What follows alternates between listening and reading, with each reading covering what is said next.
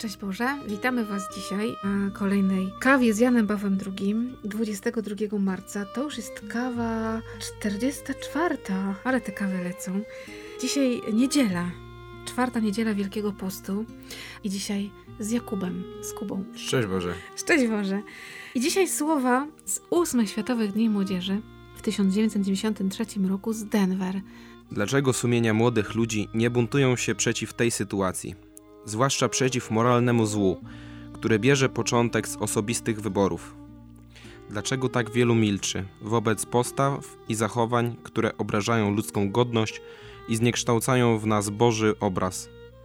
Naturalną kolejną rzeczy sumienie powinno wskazywać jednostkom i całej ludzkości, jak śmiertelnym niebezpieczeństwem jest spokojne godzenie się na zło i grzech. A jednak nie zawsze tak się dzieje. Czyżby dlatego, że samo sumienie traci zdolność odróżniania dobra od zła?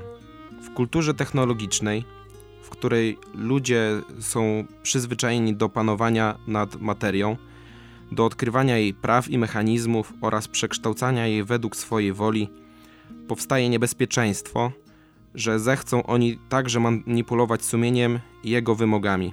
W kulturze, która utrzymuje, że nie mogą istnieć żadne uniwersalne prawdy, nie ma wartości absolutnych. Ostatecznie zatem dochodzi się do konkluzji, że obiektywne dobro i zło nie mają już znaczenia.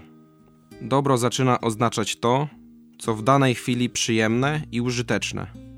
Złem nazywa się wszystko, co przeszkadza w zaspokojeniu subiektywnych pragnień. Każdy może sobie zbudować prywatny system wartości. Młodzieży, nie ulegaj tej rozpowszechnionej fałszywej moralności. Nie zagłuszaj swojego sumienia. Sumienie jest najtajniejszym ośrodkiem i sanktuarium człowieka, gdzie przebywa on sam z Bogiem.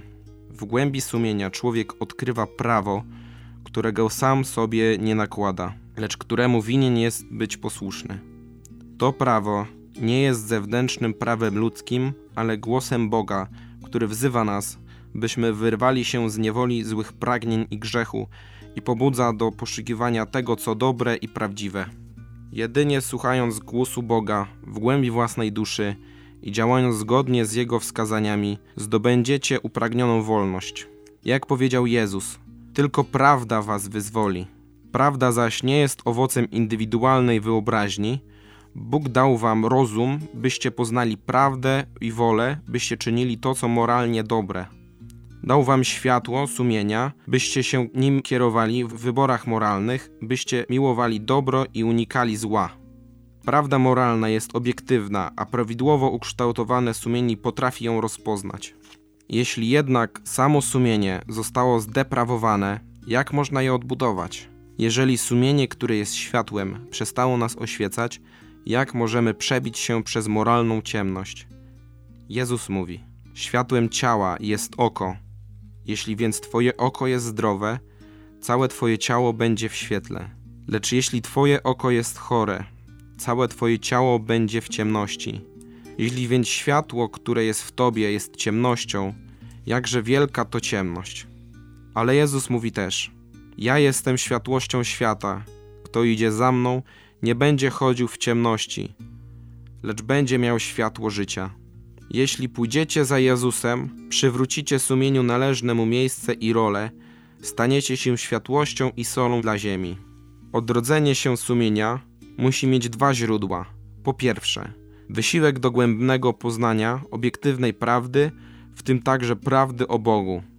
Po drugie, światło wiary w Jezusa Chrystusa, który sam tylko ma słowa życia.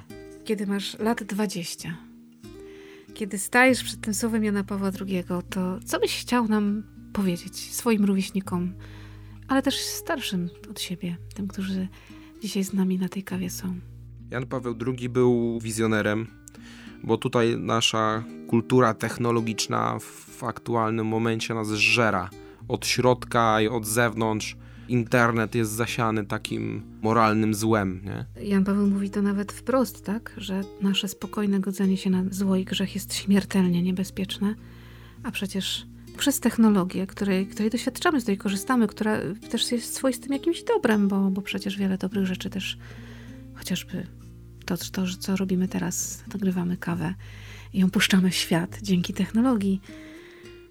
Ale też wiele jest w tym takiego bardzo subiektywnego, takiego bardzo mojego patrzenia, co jest dla mnie dobre, to co jest przyjemne.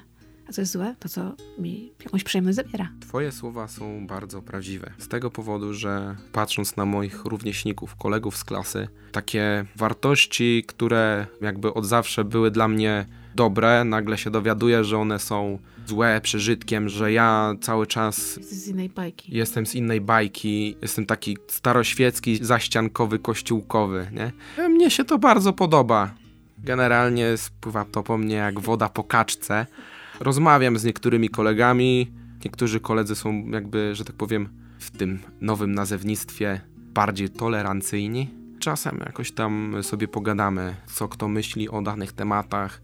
Mam takiego jednego kolegę też w klasie, który też jest taki mocno wierzący. Rozmawialiśmy z drugim kolegą, który taki zwątpiony był, no i, że tak powiem, wrócił. Naprawdę żyjemy i ty i ja, choć różnica wieku jest pomiędzy nami, ale żyjemy teraz w świecie, który mocno nam mówi o tym, że sam sobie wszystko zrobię.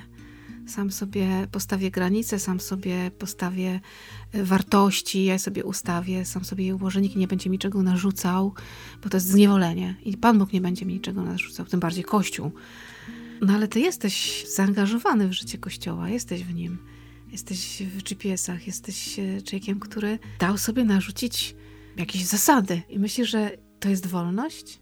Myślę, że tak. Wolność nie może być takim tworem, który będzie nas y, sprowadzał do zniewolenia, ale nie takiego cielesnego, a bardziej zniewolenia duszy, nie? To ktoś opowiadał mi, że generalnie grzech i to, to zło to jest taka otwarta cela, w której jest bardzo super przyjemnie, są zjeżdżalnie i tak dalej, takie super, jest super, nie chce się stamtąd wychodzić, ale w pewnym momencie zamyka się kratka i już stamtąd się nie wychodzi i nagle wszystko znika i są ściany, tylko nieprzyjemnie. Dla nas nadzieją jest to, że pomimo wszystko, pomimo tego, że czasem nasze serca są poranione, tak jak Jan Paweł II, też zdeprawowane są sumienia tego świata. Także nasze czasem są wypaczone, czasem nie rozumiemy, e, co jest dobre, co złe, gubimy się. Myślę, że, że każdy z tego doświadcza, nie? Że czasem trudno rozróżnić, co jest autentycznie dobre, a co złe, co jest autentycznie prawdą. I gdybyśmy tylko na sobie polegali, to się zgubimy. Nadzieją jest to, że jest Chrystus, który jest światłością, który oświeca, który czasem pokazuje. Świetny jest ten przykład z tą celą. Jeżeli Bóg jest moim światłem, to widzę. Widzę, że to jest więzienie, choć jest bardzo przyjemnie. No, mamy Wielki Post. Warto mieć postanowienia na Wielki Post. Warto. Jeszcze jak? I trzeba nie walczyć. Trzeba jak najbardziej. Ten zły to będzie wszystko robił, żeby te postanowienia nie były wykonane. Chociaż na szczęście niedziela jest dniem odpoczynku. Ale nie jest dniem odpoczynku walki, o prawdę. Oczywiście, oczywiście. Tobie walka jest bliska. Oj tak. Dzisiaj walczmy. Pomimo tego, że niedziela jest dniem odpoczynku, to nie jest dniem lenistwa. To, co Jan Paweł II tak naprawdę w ostatnim zdaniu, które przeczytałeś, nam powiedział. Na odrodzenie sumienia są dwa źródła. Po pierwsze, wysiłek. Nie lubimy tego słowa, ale wysiłek do głębnego poznania prawdy. A po drugie, światło wiary w Chrystusa. I dzisiaj Wam tego życzymy. Sobie życzymy, Tobie życzę i sobie życzę. Żebyśmy dzisiaj podjęli wysiłek poznania prawdy o Bogu i o sobie. Może będzie to trudne, ale żebyśmy też wierzyli, że jest Chrystus i On jest moim światłem. Święty Janie Pawle II. Módl się za nami. A możemy jeszcze zdradzić tak na marginesie, że Kuba jest moim osobistym siostrzeńcem.